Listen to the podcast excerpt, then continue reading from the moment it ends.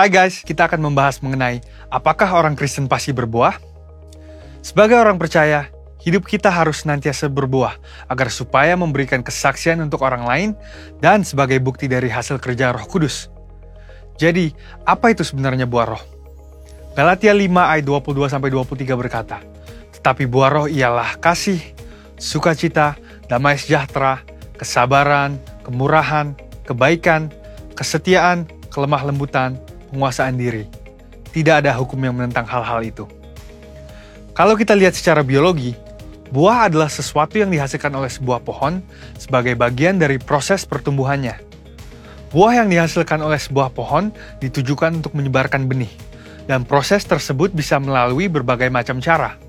Benih tersebut bisa jatuh di tanah, terbawa oleh angin, dimakan oleh binatang atau manusia, dan seterusnya. Demikian juga dengan kehidupan kita sebagai orang Kristen.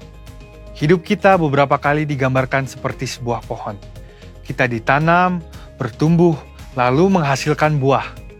Dalam konteks kekristenan, buah roh adalah sesuatu yang keluar dari kehidupan orang percaya setelah bertumbuh dalam Kristus. Dan pada akhirnya, buah tersebut ditujukan untuk menyebarkan benih firman Tuhan kepada semua orang. Ketika seseorang lahir baru dan mempunyai iman percaya kepada Yesus sebagai juru selamat, maka orang itu akan mengalami transformasi dalam kehidupannya yang dikerjakan oleh Roh Kudus.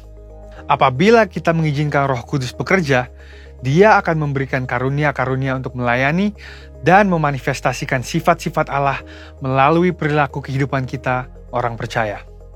Sebab buah roh bukanlah sifat alamiah, melainkan karakter orang percaya yang diperbaharui karena melekat kepada Kristus.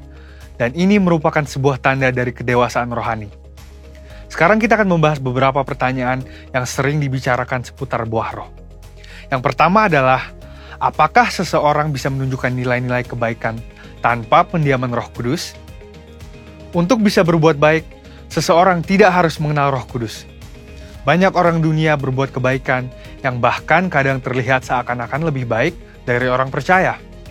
Hal ini karena semua orang, di mana pun mereka berada, dan dari budaya atau keluarga apa pun, bisa menerima dan menyetujui prinsip-prinsip buah roh.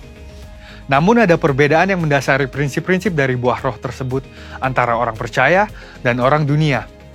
Bagi orang percaya, prinsip-prinsip buah roh dilakukan untuk memuliakan Tuhan, semua ditujukan untuk menyenangkan Dia, dan firman Tuhanlah yang menjadi standar untuk prinsip tersebut. Tetapi untuk orang dunia, yang hidupnya dikuasai oleh kedagingan dan tidak didiami serta dituntun oleh Roh Kudus, prinsip perbuatan baiknya didasari oleh pemahaman orang itu sendiri dengan motif yang berbeda-beda. Pertanyaan yang kedua adalah, apakah orang yang kelihatan berbahasa roh pasti menunjukkan buah roh dalam kehidupannya? Seseorang bisa saja berdoa dalam bahasa roh, tetapi masih hidup dalam kedagingan serta tidak menunjukkan tanda-tanda buah roh. Sebab dibutuhkan upaya oleh orang percaya supaya roh kudus senantiasa bekerja penuh, memimpin, dan membentuk karakter Kristus di dalam diri kita masing-masing. Sekali lagi, hal ini sama seperti sebuah pohon. Agar menghasilkan buah, maka pohon tersebut harus dirawat dan diberikan nutrisi supaya bisa bertumbuh dan menghasilkan buah seperti yang tertulis dalam Mazmur 1 ayat 1 sampai 3.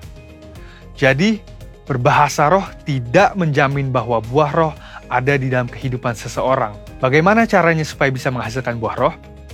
Kita harus melakukan disiplin rohani seperti bersaat teduh, berdoa, berbahasa roh, merenungkan firman Tuhan, bersekutu dalam kul, ikut pelayanan, membantu orang percaya untuk dapat hidup dalam pimpinan roh kudus, dan memberikan pelajaran praktis sehingga mereka pun dapat menghasilkan buah roh dalam kehidupan mereka.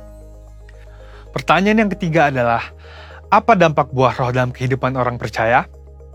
Sama seperti buah yang berasal dari pohon tidak dimakan dan dinikmati oleh pohonnya sendiri, demikian juga halnya dengan buah roh.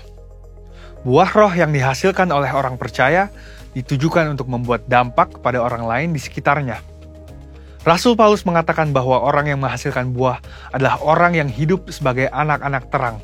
Orang percaya yang menghasilkan buah roh pasti akan berdampak kepada orang lain di sekitarnya. Orang percaya dipanggil dan ditetapkan oleh Tuhan untuk menjadi terang yang dapat dilihat oleh orang lain.